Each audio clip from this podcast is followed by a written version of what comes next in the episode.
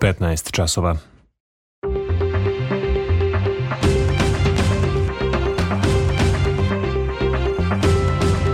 Radio Novi Sad. Novosti. Dobar dan, ja sam Vesna Balta. Ja sam Nikola Rausavljević. Na početku novosti, vesti dana. Počela izgradnja gasnog interkonektora između Srbije i Bugarske. Sutra počinje isplata uvećanih penzija. Sve žešće borbe u Ukrajini. Novi Sad obeležava Dan grada. Februarska nagrada uručena violinisti Stefanu Milenkoviću. Privredna komora Vojvodine obeležila 104. godišnjicu. Sutra pre podne povremena kiša, popodne razvedravanje. Temperatura do 8 stepeni. U Novom Sadu sada je stepen više. U prisustvu dvojice predsjednika Bugarske, Rumena Radeva i Srbije, Aleksandra Vučića, svečano je označen početak radova na izgradnji gasnog interkonektora između Srbije i Bugarske na bugarskoj teritoriji. Komesarka Evropske unije za energiju Kadri Simpson poručila je da očekuje da gasovod bude operativan do kraja godine. Opširnije, Bor Lazukić. Međusistemska gasna veza Bugarska-Srbija u našoj zemlji biće duga 109 km, a ukupna dužina dvosmernog gasovoda kroz obe države je 170 km od Novog Iskara u blizini Sofije do Niša. Gasovod je kapaciteta 1,8 milijardi kubnih metara gasa godišnje. Ukupna vrednost gasnog interkonektora Niš-Dimitrov-Grad-Bugarska prema proceni Evropske investicione banke iznosi 85,5 miliona evra, od kojih banka u vidu kredita obezbeđuje 25 miliona evra, a 49,6 miliona je bespovratno sufinansiranje Evropske unije iz IPA fondova. U Srbiji će deo troškova biti finansiran iz državnog budžeta i sobstvenih sredstava javnog preduzeća Srbija Gas, potvrdio je predsednik Vučić. Ali hvala vam mnogo na podršci, hvala vam mnogo na pomoći vama iz Evropske unije. Mi umemo da poštujemo kada neko daje novac svojih porezkih obveznika građanima Srbije i mnogo vam hvala na tome. Nadam se gospodine Malinov, gospodine Bojatoviću, gospodine Hristov, gospo, gospođo Đedović, da ćemo mi jedni i drugi s obe strane granice da završimo ovo do oktobra meseca i da pre kraja godine poteče gas kroz ovaj interkonektor da ne samo diverzifikujemo, već osiguramo energetsku budućnost za naše zemlje i ne samo za naše zemlje, već za ceo region Zapadnog Balkana i jugoistočne Evrope. Prema rečima bugarskog predsjednika Radeva, gasni interkonektor nije samo infrastrukturni projekat, već simbol potencijala celog regiona za budućnost. On tvrdi da se Bugarska pokazala kao pouzdana tranzitna zemlja i da je i u najgoroj situaciji, kada je ostala bez ruskog gasa, bez problema nastavila da izvozi gorivo u Srbiju. Interkonektor je zalog za budućnost, ali i izraz volje naših zemalja ne samo da grade bilateralne odnose, to je i panevropska budućnost zasnovana na solidarnosti i inovativnim tehnologijama. To je primer kako naša održiva saradnja sa Evropskom komisijom vodi do obostrane koristi, ne samo za naše zemlje. To je primer uspešne implementacije Evropske strategije za pristupačnu energiju dostupna i sigurna energija.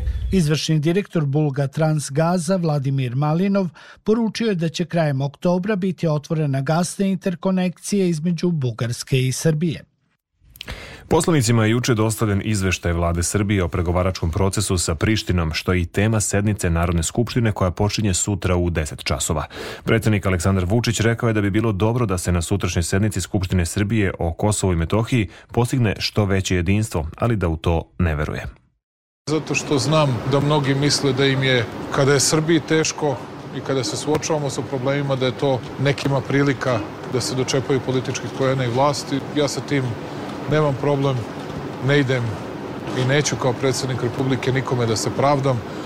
Drugi predsednici kada bi dolazili, oni bi izdeklamovali svoje i napustili parlament. Ja sam jedini koji učestvujem u raspravi i to po četvrti put i spreman sam da budem dva, tri dana koliko god rasprava traje po 10, 12, 15 sati u parlamentu da ne izlazim Nadam se da ću moći da izdržim, malo sam umorniji i stariji nego prethodnih puta, dakle, ali ne idem nikome da se pravdam jer sam uradio sve pošteno, borio se i borit ću se za svoju zemlju dok to bude mogao i dok bude bilo potrebe da budem predsednik. Razume se u skladu sa svojim ustavnim mandatom, ne prekoračujući ga nikada ni jednog trenutka. Ministar spoljnih poslova Ivica Dačić doputovao je u posetu Sjedinjenim američkim državama gde će prisustovati molitvenom doručku i sastati se sa specijalnim izaslavnikom State Departmenta za Zapadni Balkan Gabrielom Escobarom i višim političkim savjetnikom američkog državnog sekretara Derekom Šoleom.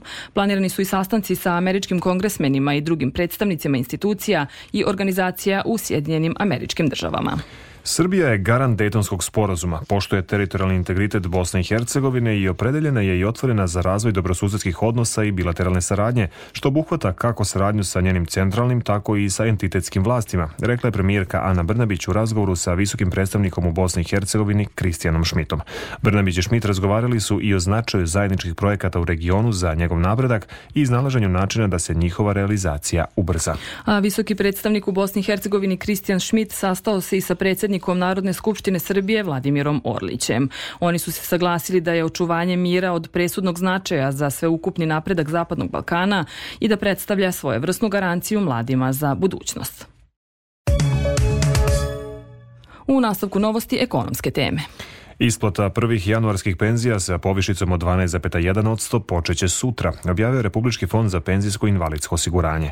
Sa tim povećanjem prosječna januarska penzija u Srbiji iznosit će oko 38.000 dinara. Isplata će sutra početi za korisnike iz kategorije samostalnih delatnosti, vojnim i poljoprivrednim penzionerima. Primanja će početi da pristižu u subotu 4. februara, a korisnicima iz kategorije zaposlenih 9. februara.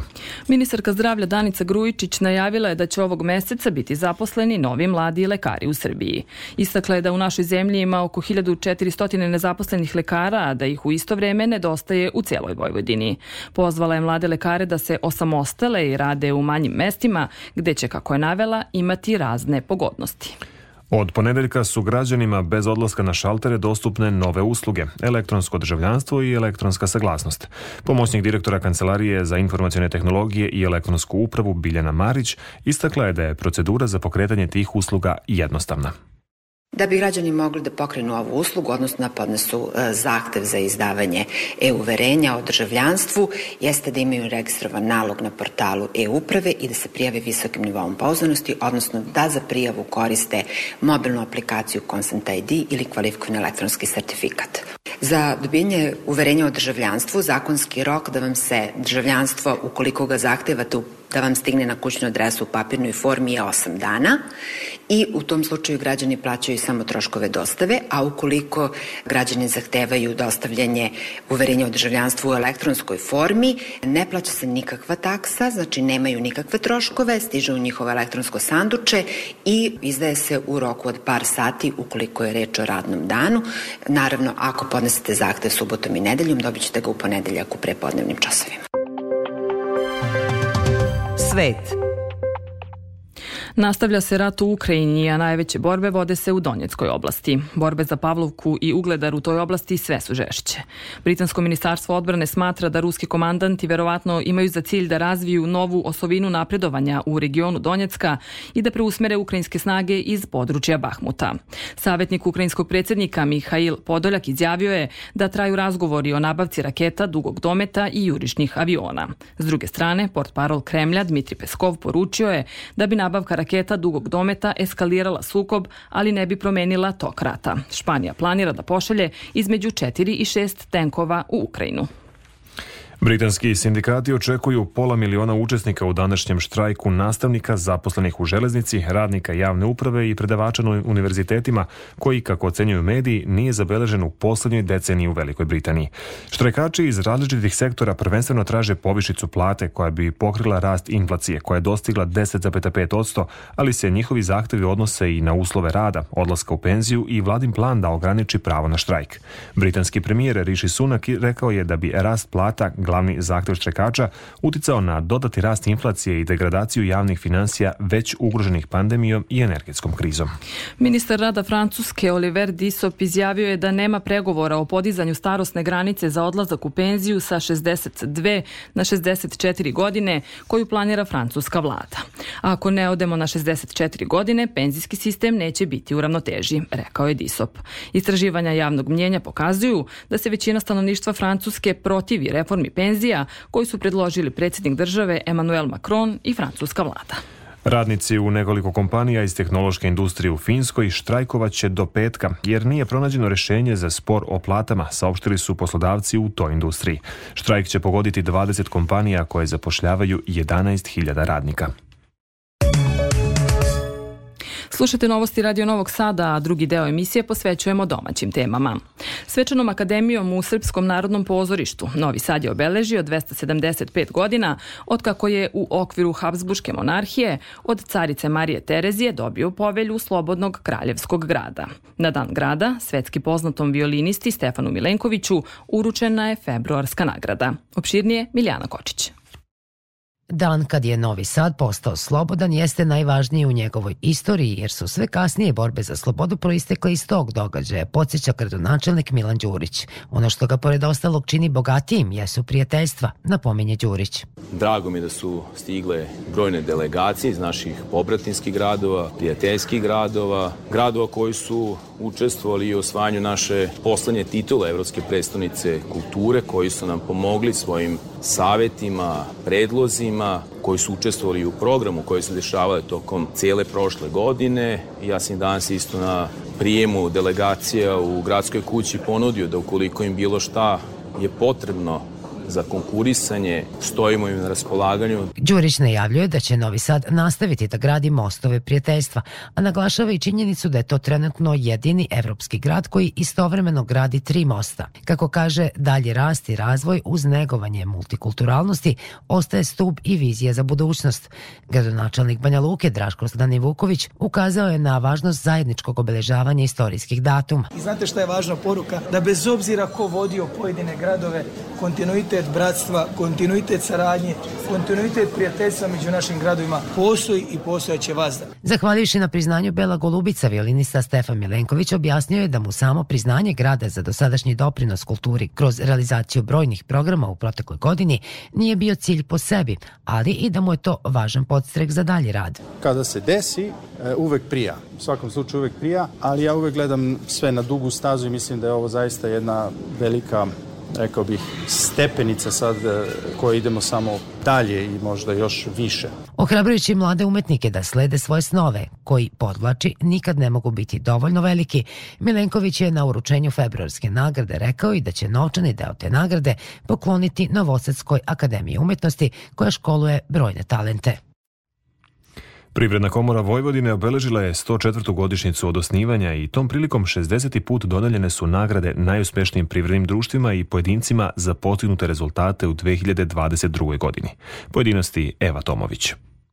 Uprkos izazovima na geopolitičkoj sceni, zadovoljni smo ekonomskim rezultatima u prošloj godini, posebno u spoljnoj trgovini, istakao je predsjednik Privredne komore Vojvodine Boško Vučurević. Izvoz iz autovne pokrene Vojvodine za prošlu godinu negde na nivou 9,2 milijarde evra, što je gotovo 23-24% više u odnosu na prethodnu godinu i to je, to je rekordan izvoz. Predsjednik pokrajinske vlade Igor Mirović kazao je da je privreda prošle godine uspela da obezbedi novac za ulaganje i u druge oblasti. I otuda veoma ambiciozni programi na svim nivoima vlasti koji podrazumevaju ulaganje i u socijalnu sferu, u razvoj univerziteta, u zdravstvo, u školstvo, neki od tih projekata biće realizovani ovde u Novom Sadu.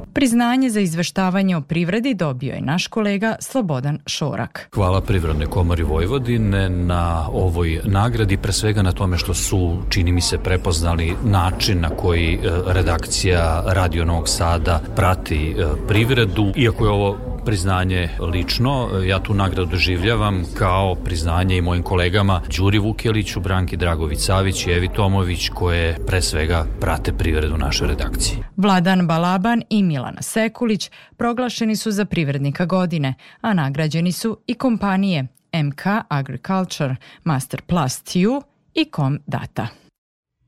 Naredni minuti u novostima posvećeni su poljoprivredi. Na Zlatiboru, uporedo sa 57. savjetovanjem agronoma, održava se i 49. simpozijum o poljoprivrednoj tehnici. Sa tog skupa stručnjaci pozivaju ratare da se udruže kako bi uz manje troškove, koristeći savremenu mehanizaciju, na svojim gazdinstvima ostvarili visoke prinose. Izveštava Stevan Davidović. Zadruge su od davnina nosioci novih tehnologija i upotrebe savremene mehanizacije. Tako i danas objašnjava predsjednica Zadružnog saveza Vojvodine Jelena Nestorov Bizonj. Što se tiče poljoprivredne mehanizacije, zadruge prednjače.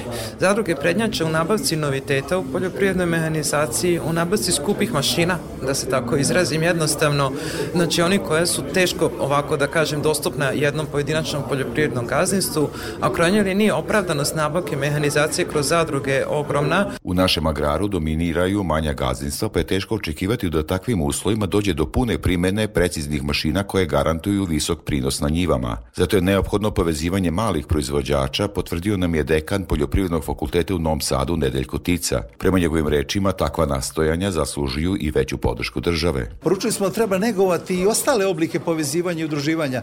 Pojednostavno rečeno, možda i ne morate biti članovi neke zadruge, ali ako vas nekoliko kupi jednu savremenu mašinu i pružite dokaze da ćete zajednički nju koristiti, mislim da takav jedan projekat nevezan udruživanja zadruge zaslužuje društvenu podršku, državnu podršku uh, u smislu dodatnih subvencija za jedan takav pokušaj. Dakle, poruka je da su važni svi oblici udruživanja, svi oblici povezivanja koji će omogućiti da se savremene pogonske priključne mašine uh, koriste na više gazdinstava, jer tako se smanjuju troškovi amortizacije, posebno imajući u vidu da je reč o skupim mašinama. 49. simpozijum agrotehnika precizna poljoprivreda koji organizuje poljoprivredni fakultet održava se do petka 3. februara. Tebe simpozijuma na Zlatiboru su kako tehnička pitanja vezana za upotrebu mehanizacije, tako i pitanja vezana za podrške države tom bitnom segmentu poljoprivrede.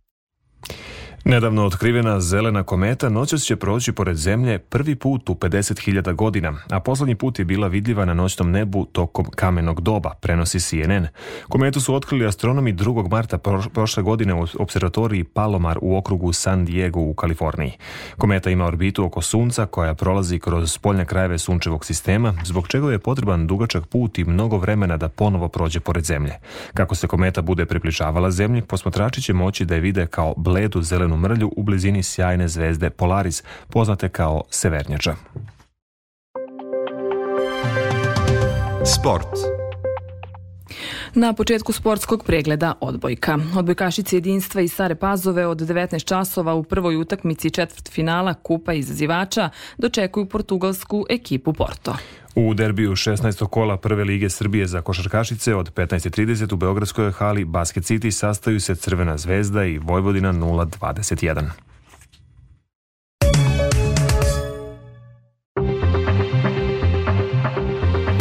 Pred kraj novosti podsjećamo se vesti dana. Počela izgradnja gasnog interkonektora između Srbije i Bugarske. Sutra počinje isplata uvećanih penzija. Sve žešće borbe za Pavlovku i Ugledar u Donjeckoj oblasti. Novi Sad obeležava Dan grada. Februarska nagrada uručena violinisti Stefanu Milenkoviću. Privredna komora Vojvodine obeležila 104. godišnicu. Kada je o vremenu reč, u većem delu Vojvodine je oblačno. Prema poslednjim merenjima u Novom Sadu je 9 stepeni, relativna vlažnost vazduha je 53%, vazdušni pritisak je 1007 milibara. Slušamo prognozu vremena za naredne dane. U Vojvodini u četvrtak rano ujutru i pre podne sa kišom povremeno uz brzo razvedravanje i sunčane periode tokom dana. Vetar slab dumeren zapadni, severozapadni, pritisak iznad normale. Minimala jutarnja temperatura od 0 do 2, maksimala od 7 do 8 stepeni. U Srbiji u petak promenljiva oblaču sa povremenom kišom, ali sunčanim intervalima tokom dana. Za vikend i početkom naredne sedmice sve hladnije sa jutarnjim mrazovima od nedelje. Za Radio Novi Sad, Žika Pavlović, Meteos. Slušali ste novosti prvog programa radija Radio Televizije Vojvodine. Novosti tonski realizovao Goran Mavić, producentkinja Branislava Stefanović, pred mikrofonom bili Vesna Balta i Nikola Rausavljević. Ostanite uz naš program. Želimo vam prijetno popodne.